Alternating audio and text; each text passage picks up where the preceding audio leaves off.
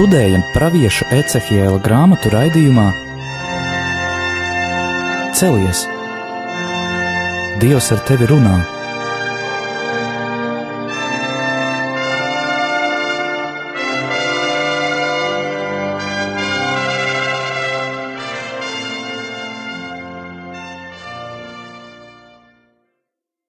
Slavēts Jēzus Kristus, mūžīgi mūžos slavēts, studijā Stela un Anģela.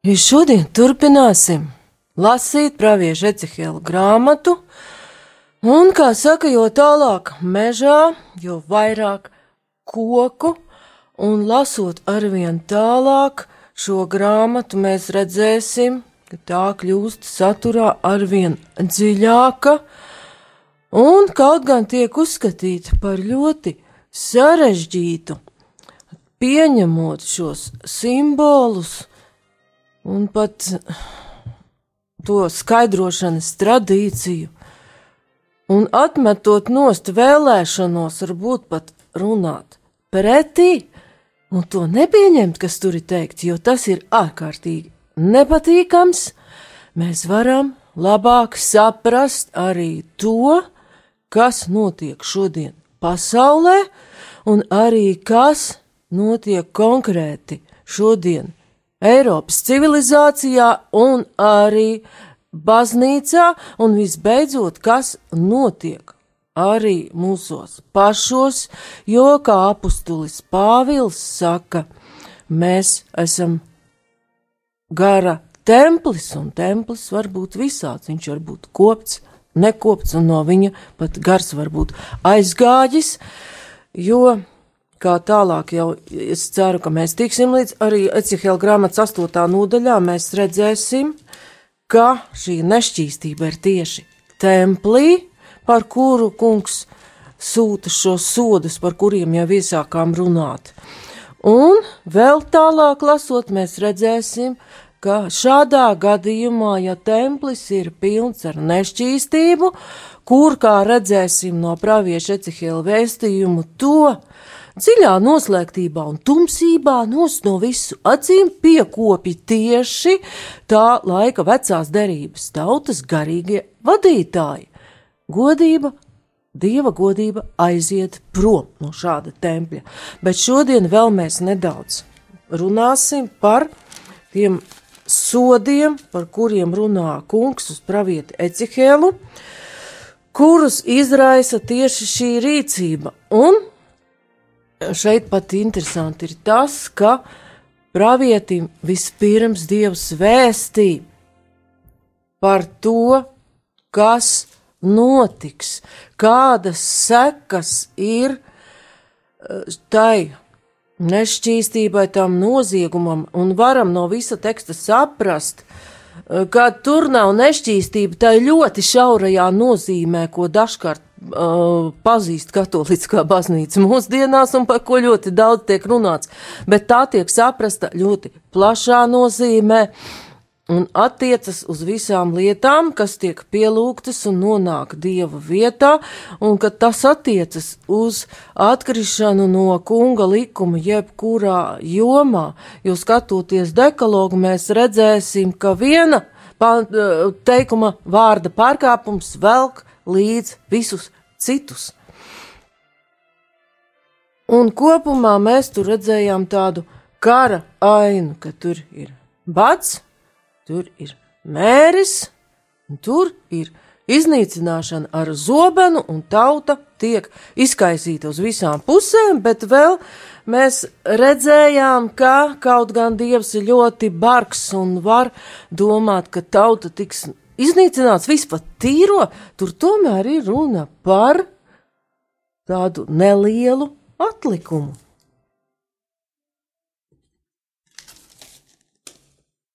kurš tomēr būs aicināts kunga likumu izplatīt citu tautu vidū. Kā kungs saka, 6. nodaļā, 8. pantā. Но я сберегу остаток так, что будут у вас среди народов уцелевшие от меча, когда вы будете рассеяны по землям. И вспомнят о мне уцелевшие ваши среди народов, куда будут отведены в плен, когда я приведу в сокрушение блудное сердце их, отпавшее от меня, и глаза их, блудившие вслед идолов. И они к самим себе почувствуют отвращение за это зло, какое они делали во всех мерзостях своих, и узнают, что я Господь, не напрасно говорил я, что наведу на них такое бедствие. Paldies! Un kāpēc šis lasījums ir tik svarīgs, un jūs to visu dzirdējāt, kā kāds varbūt teiks, ne valsts valodā? Atkal ir tulkojuma jautājums, jo teksts Krievu valodā precīzāk pasaka par to, kas tur notiek. Kungs runā, ka šie cilvēki jau arī uzreiz neatzīs, ko ir izdarījuši, kad es būšu salauzis, nu, latviski vienkārši viņu sirdi, bet tur ir bludnējs sirds, tas ir tādu paklīdušu sirdi, kas ir kā tāda paklīdusi sieviete, un tādas pašas ir šīs acis, kuras kungs pārveido, jo uh, tieši caur redzi bieži sākas šī atkrišana un piesaistīšanās materiālajai pasaulē, kā jau iepriekšējā reizē minēju uh, stāstu par zelta teļu. Un arī Daniela grāmatā mēs varam lasīt, uh, kad uh, Daniels bija iemests lauva bedrē, jā, un tad Dievs izglāba viņu.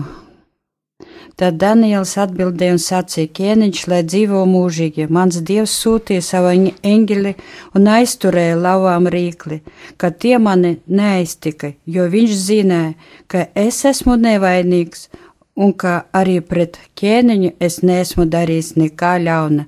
Tad ķēniņš kļuva ļoti priecīgs un pavēlēja Danielu izvilkt no lauva bedres. Izrādījās, ka viņam nebija ne mazākā ievainojuma, jo viņš bija pilnīgi uzticējies savam dievam. Paldies! Un šeit mēs redzam tādu it kā varētu teikt pretnostatījumu. Abos fragmentos, gan Ecihēlam, gan Danielam, ir runa par izglābšanu. Pie Ecihēla dievs izglābs dažus, bet viņiem ir vajadzīgs vēl bludnais serce, Dievam ir jālabo, turpretī pravietis Daniels ir bijis arī ekstremālā nepatīkamā situācijā, pagānu ķēniņa galmā, ir izrādījies ar mugurkaulu un atteicies pielūgt talka dievu. Un līdz ar to viņam ir dāvāt šī žēlastība palikt dzīvam, un Viņš ir pat tāda saudabīga liecība tam, ka arī bezdievīgā vidē, pagāniskā vidē var saglabāt ticību un pat iemantot apkārtējo cieņu un pat viņus jau vēst dieva likuma uh, saprašanā.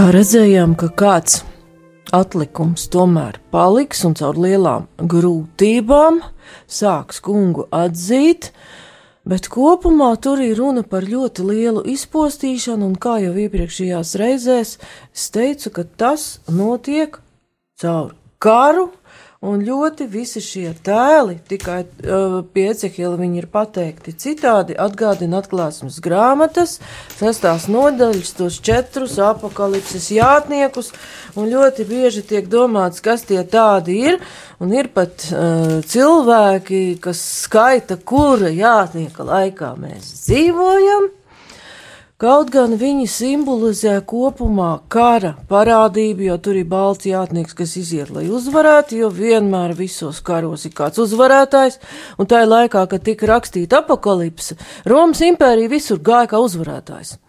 Bet, kur cilvēki sāk pielūgt zeltu un sudrabu, tātad mantiskas lietas, varu, īpašumus, tur neizbēgami rodas šie savstarpējie konflikti, un ir sarkans zirgs ar zobenu - karš. Nu, kas tad karam? Nekas nav normāli iegādājams, un, ja mēs pētītu tuvāk apakalips, ka tur milzīgas cenas un tas padoms pietrūks ne jau luksus precēm, bet pašam nepieciešamākajam. Tā tad klāt ir tas melnais zirgs ar svariem un ir bats, un tai triju zirgu kavalkādē pa pēdām jau sekotas zaļganais mēļais zirgs, kur vārds ir nāve. Bet sākums tam visam ir elku pielūgšana. Un liekas, kā Anģela kaut ko vēl gribēja teikt. Tomēr laikam nē. Un vēl šajā aprakstā, kas notiek, ir dažas lietas, kas patiesi pat liekas diezgan briesmīgas. Un kā tas varētu būt par badu, jau mēs nedaudz runājām.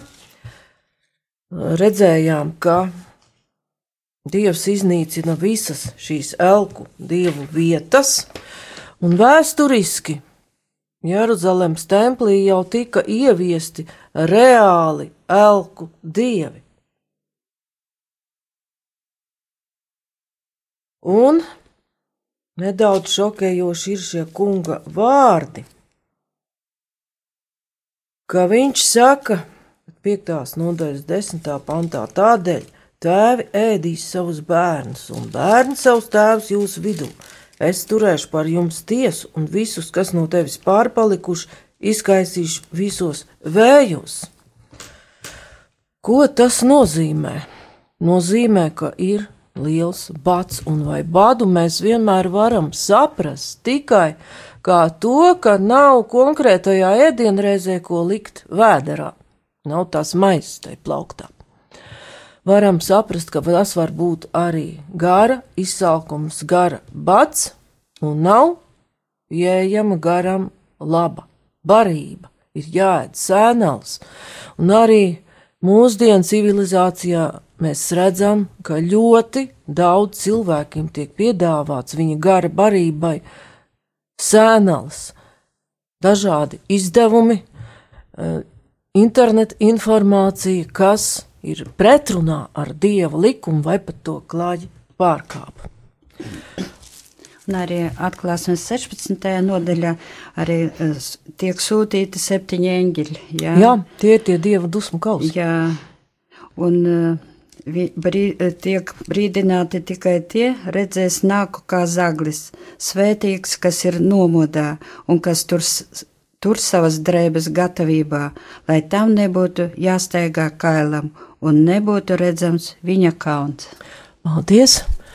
Tātad no atklāsmes grāmatas varam secināt to, ka tā labi tajā dieva likuma pārkāpumā un nešķīstībā iedzīvojušies cilvēki pat vairs nejūt, ka būs slikti, un ka šie posta laiki parasti jau uznāk negaidīti, ko mēs varam atcerēties arī no tās desmit gadus sen atmek, atpakaļ atnākušās krīzes, negaidīti.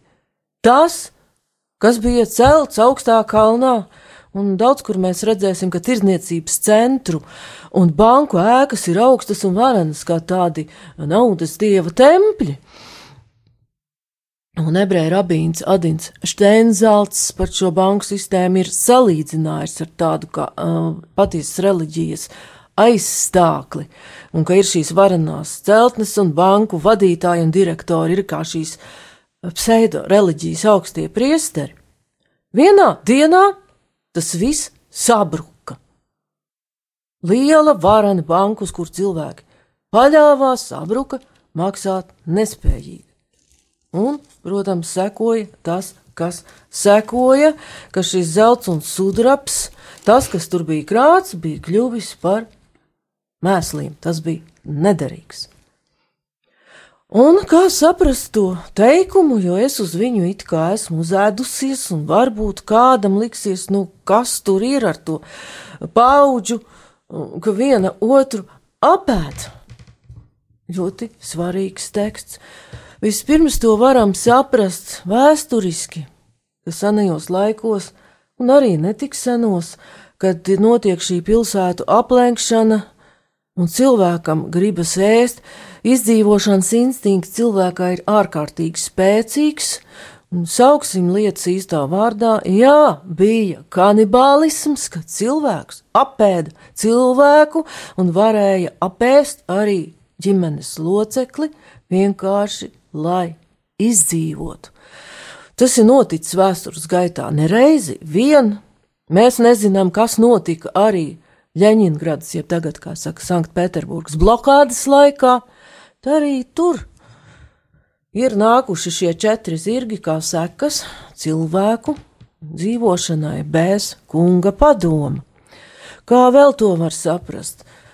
Var jau paudze tēvs, ja vecāki var noēst un iznīcināt to bērnu, vai bērns iznīcināt to savu vecāku, ne tikai, ka viņš viņu fiziski nobeidz un apēd, bet tas ir paudžu konflikts ļoti asā formā, un ko mēs šodien arī apkārt redzam, paudzes pilnīgi nesaprotas Bērni ienīst vecākus, vecāki dažkārt ienīst bērnus, vai noēd pat tādā veidā, ka uzstiepi dzīves veidu un kārtību un pat izvēlas nākotni bērna vietā, kas viņam ir pilnīgi nepiemērota un nav pat paredzēta dievu plānā.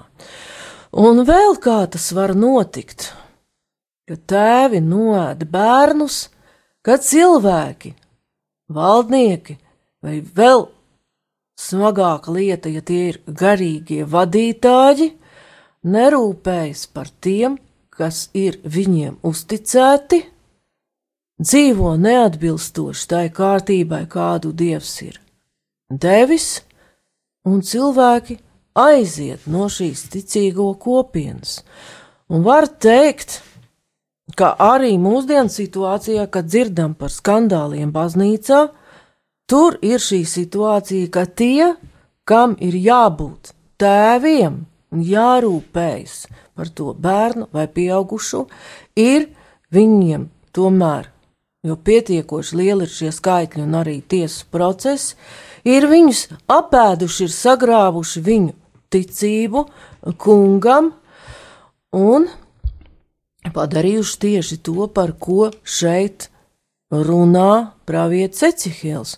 Un varbūt arī apgrieztā situācija, ka, un to var provocēt arī šis jazdva, jeb grēks, baznīcas vai ticīgo kopienas vidū, ka bērni vairs, jeb garīgie bērni, cilvēki, kuriem vajadzētu sekot tomēr kungam, jau sāk skrupulozi skatīties uz garīgajiem vadītājiem un viņus nicināt un ienīst, nu, ja tā var izteikties kā sugu un faktiski viņus noēd. Visi slikti, visi noziegušies. Kaut gan arī no pravieša Ecihela grāmatas mēs redzam, ka ir vienmēr šis atlikums. Un tuvāk par šo situāciju, kas izraisa šo dievu sodu, karu, mēri, un, un kā tas tiek raksturots, mēs varam saprast jau ejot uz astoto nodaļu. Jo kas tad tur notiks? Un lai skan mūzika, tad mēs jau tosimies astotai nodaļai.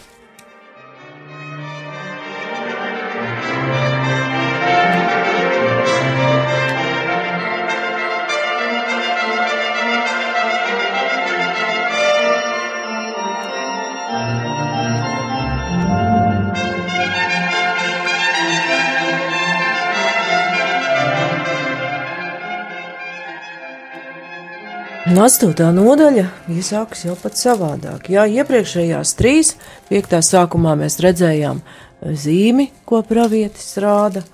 Šeit jau 5, 6, 7 runā par šo sodu, visu laiku atgādinot par ko, par elgtīvību, par atkrišanu, par merziņš, tas ir tādām riebīgām lietām. Tas vārds merziņš izsaka tādu pilnīgu riebīgumu tam, ko cilvēki dara vietās, kur būtu jāpielūdz Dievs.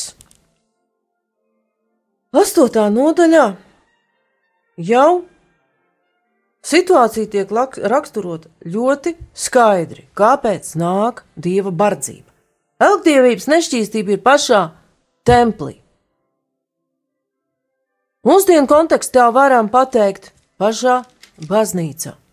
Attiecībā uz sevi varam pateikt, elgdievības nešķīstība ir mūsu miesas templī, mūsos pašos. Tātad arī šādos uh, vairākos līmeņos mēs varam saprast šo tekstu. Un kas tad tur ir? Pravietis Ecihils sēž savā namā, tur ir pateikts laiks, 6. gada 6. mēneša 5. dienā.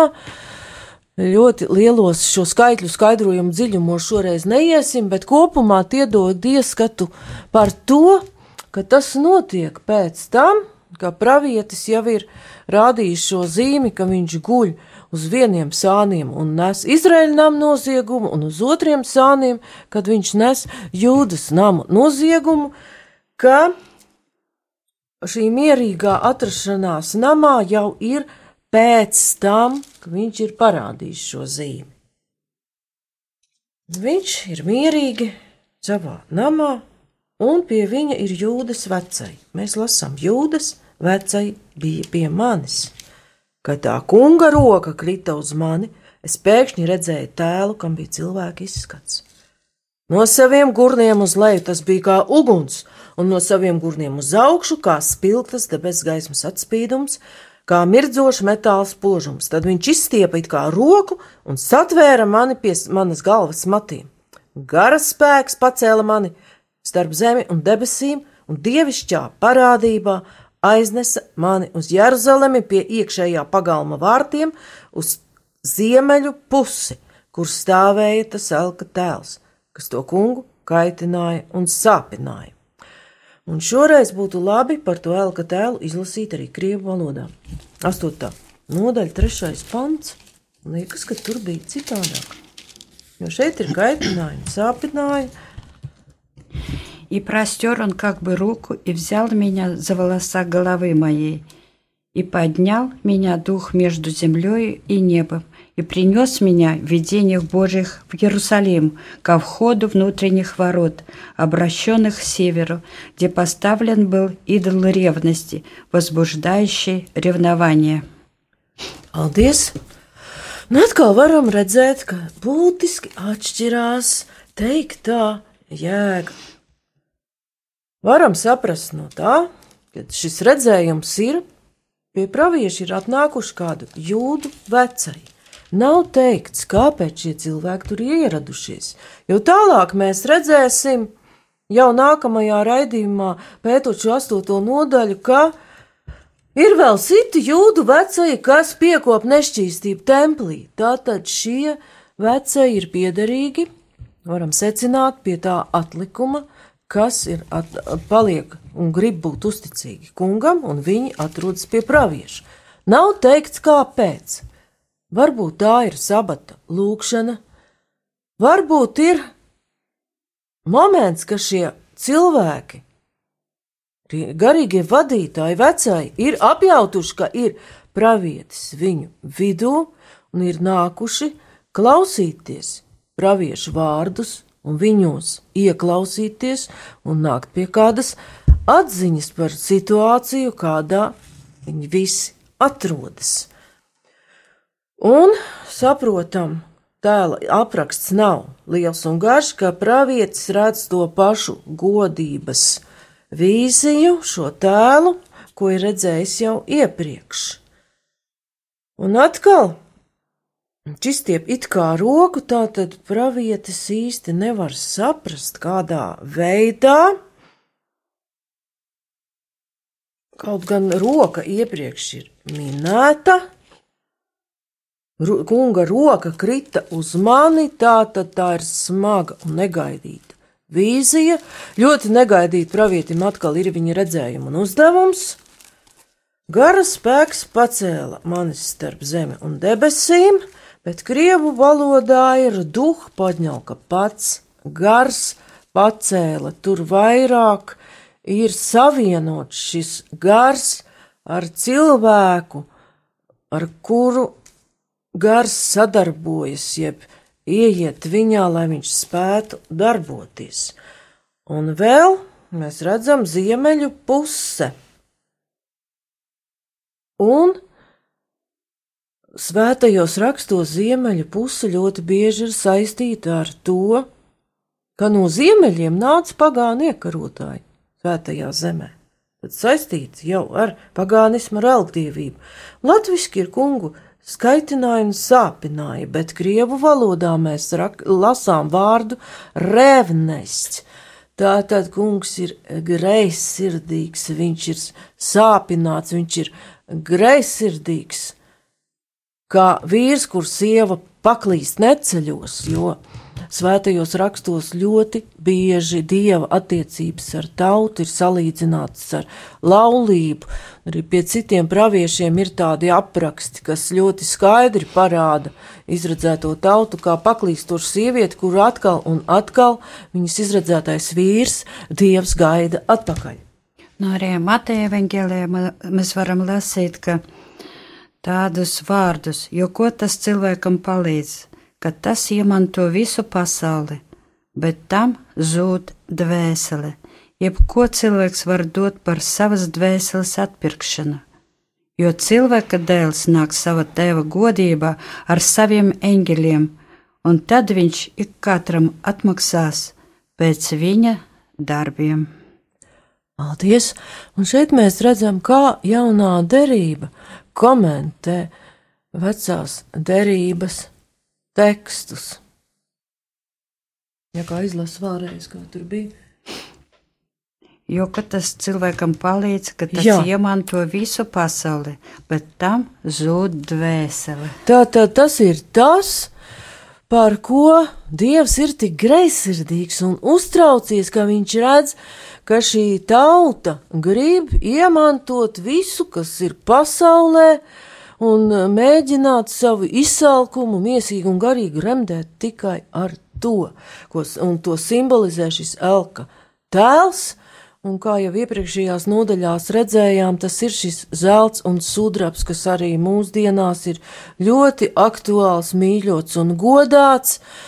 Un pat eh, turīgākie cilvēki un arī turīgākās valstis uzskata, ka viņi ar to ir iemantojuši visu pasauli, bet Dievs par šādu situāciju ir greizsirdīgs, viņš ir sāpināts un caur Toru likumu, arī caur praviešu Ecihela grāmatu, caur Levītu grāmatu, Torā. Viņš ir brīdinājis, kas tam var sekot.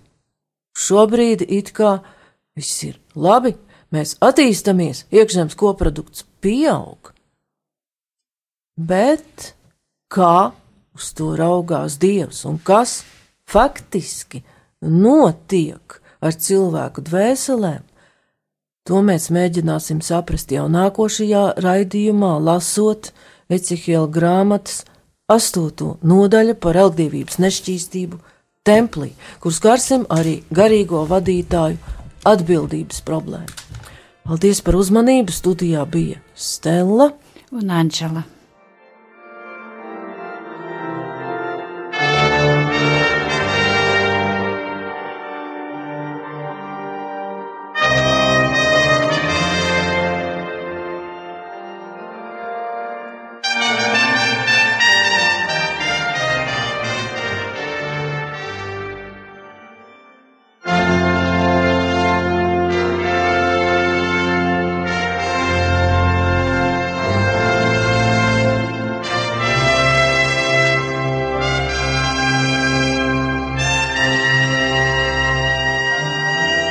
Izskanēja raidījums Celies! Dievs ar tevi runā!